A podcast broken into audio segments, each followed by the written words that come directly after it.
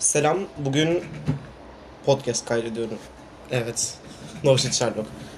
Ee, size ses olmasın diye fanımı kapattım. Size ne kadar değer verdiğimi düşünün. Bu podcast'ın başından anlayabileceğiniz gibi son yaz podcastları. Çünkü bir sıkıntı olmazsa yine de büyük konuşmak istemiyorum. Ee, vizem çıkınca herhalde yazın sonuna doğru gitmek için başka bir engel kalmadı gibi gözüküyor. Ama tabii ki vize memurlarının hakkından geçen ne olur bilmiyorum artık evde eşleriyle kavga ederler ve de işleri ve de işlerine kafası bozuk gelirlerse tabii ki benim nacizane study permit başvurumu reddedebilirler. Bunların hepsi olabilecek şeyler ama olmamasını umduğum pek çok şeyin olduğuna şahit olduğum bir yılın ardından artık elimden beklemekten başka pek bir şeyin gelmediğini anlamış bulunmaktayım. Ama yine de böyle ufak bir ihtimale tabii ki ufak ihtimal yalnız adamın eşiyle kavga etmesi değil yani ya da oradaki kişinin ee, pek çok sıkıntı çıkabilir ama her neyse hala buradayım ve birazcık da gitmeye şartlandım mı? Emin değilim her neyse son yaz podcastleri. Ee, bugün şiir hakkında konuşmak istiyorum. Poetry. Şimdi şiir benim için ne anlam ifade ediyor cevaplamadan önce şiir ile yaşadığım tecrübelerden biraz bahsetmek istiyorum. Ben şiir konseptine 10. sınıfta şiir çevirerek başladım. Ee, şiir çevirmek bana çok şey geliyordu her zaman için. Yani daha çok edebi bir ürün, bir edebi ürün ortaya koymaktansa adeta bir dil pratiği yapmak gibi geliyordu. Çünkü bana kalırsa insan bir dili gerçekten öğrendiğine, gerçekten bildiğine o dilde yazılmış bir şiiri okuduğunda şahit oluyor. Çünkü şiirde kullanılan dil çok daha farklı bir dil. O dilin özelliklerini podcast'ın ilerleyen zamanlar zamanlarında değineceğim. Ama dediğim gibi yani şiir çevirmek bana daha çok bir dil pratiği yapmak gibi geliyordu. Lakin farkında olmadan aslında o zamanlar farkında değildim. Ee, bunun çok yüksek bir miktarda bana edebi bir zevk verdiğini de şu anda fark ediyorum. O zamanlarda dahi. Ondan sonra bu yılın başlarında mı demeliyim? 2021'in başlarında diyeyim. Yazı yazmanın benim için ne kadar önemli olduğunu fark ettim. Yani aslında yazı yazmanın benim için ne kadar önemli olduğunu fark etmem birazcık şuna dayanıyordu. Ee, işte felsefe olimpiyatlarına katılıyordum. Felsefi deneme yazma yarışmalarına katılıyordum. İşte okulda ya da başka yerlerde bir konsept olduğunda yazı yazma üzerine yazmak istiyordum. Niye bilmiyorum. Felsefe hakkında yazmak istememin nedeni felsefeye çok ilgili olmamdı. Ve bir raddeden sonra felsefeyle alakalı yazdığım yazıların tat, takdir edildiğini gördüm. Yani bir şekilde insanların hoşuna gidiyordu. Demek ki düşüncelerimi iyi bir şekilde aktarabiliyormuşum. Çok da fazla imge kullanmadan.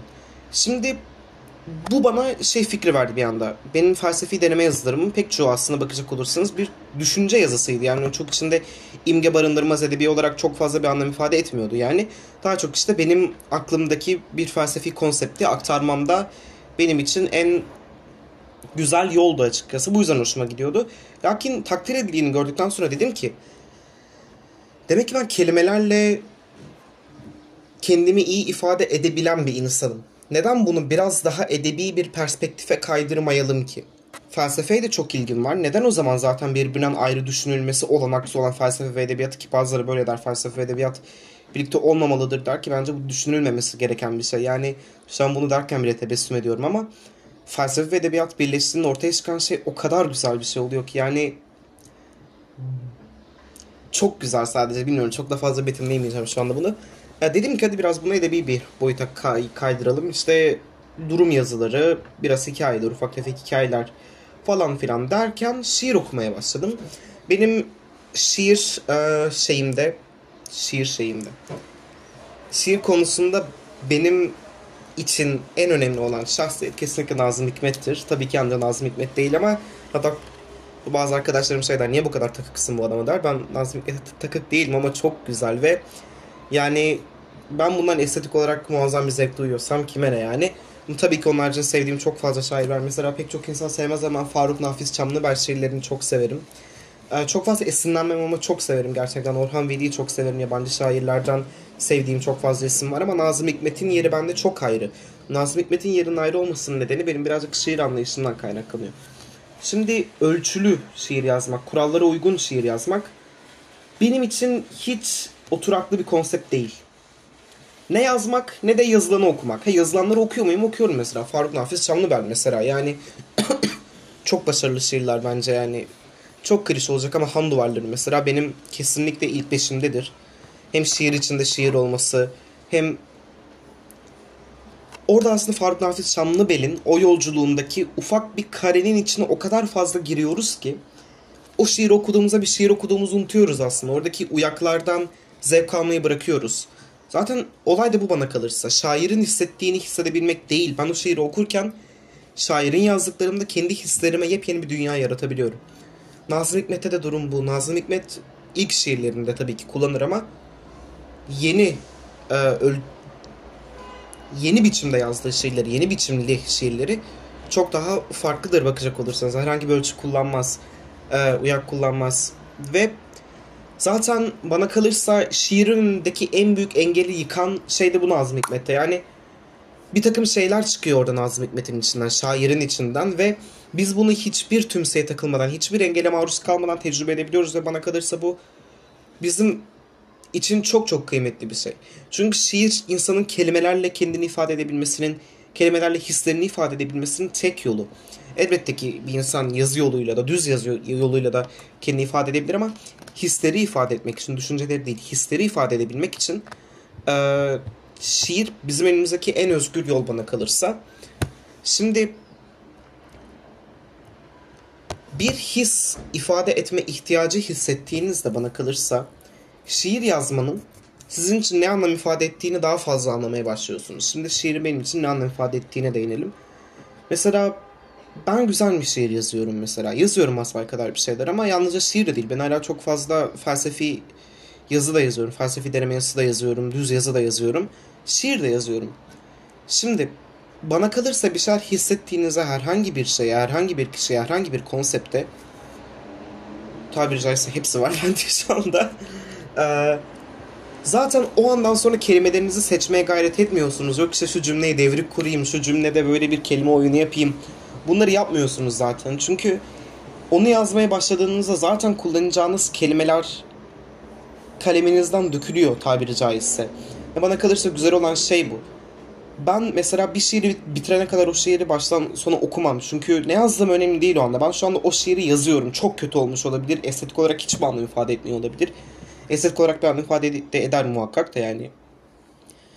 Estetik olarak hoş gözükmüyor olabilir ama en nihayetinde ben o anda estetik olarak güzel olmasa bile hislerimi ifade edebilmiş miyim? İfade edebilmişim. E bu beni rahatlatmış mı? Rahatlatmış. Rahatlatmaktan öte. Bu kağıdın kalıcılığında yer edinebilmiş mi? Kağıdın üzerinde ölümsüzleşebilmiş mi? Ölümsüzleşmiş de ben dönüp dolaşıp tekrar onu okuyabiliyor muyum? Güzel olmasa dahi. Okuyabiliyorum. Bana kalırsa bu yani daha ne istersin? Gerçekten bir insan daha ne ister ki? Şimdi şöyle bir gerçek de var ama mesela eğitim hayatıma başlayacağımda ki ben felsefe okumak istiyorum. Felsefe okuyacağım gibi de gözüküyor. Felsefe ve siyasal bilimler, çift andal ya da yalnızca felsefe. Karar veremedim onu hala daha. Bu 21'inde karar vereceğim. Um, şey felsefi bir deneme yazısı yazarken ya da bir makale yazarken ya da içine edebi bir şey karıştırmamanız gereken bir ürün ortaya koyarken bu kadar fazla edebiyata kaymak insanı çok fazla zorluyor. Mesela Düşün Yaz Felsefe Yarışması'na katıldım. Ben ikinci ayına katılmadım. ilk ayına katıldım. 95'e puan aldım. Yayınlandı bir yerde. Nerede olduğunu hatırlamıyorum. Ee, orada mesela bir anda yazmaya başladım. Böyle 15 dakika boyunca yazdım. Ondan sonra durdum. Can dedim sen ne yazıyorsun? Sen şu anda bir felsefi bir deneme yazmıyorsun. Sen şu anda edebi bir hikaye yazıyorsun dedim. Elbette ki felsefe ögesi çok fazla var içinde ama bu sayılmaz sen ne sana şu anda bu değil dedim. Ve 15 dakika artı 15 dakika yazmaya ondan sonra 15 dakika kendimi toparlamaya tekrar eskiden kullandığım o düz yazı diline dönebilmek için çaba sarf ettim. Kalan vakitte onu yazdım. Bu insanı çok fazla zorlayan bir şey. Peki bu bende ne gibi bir e, stres yaratıyor?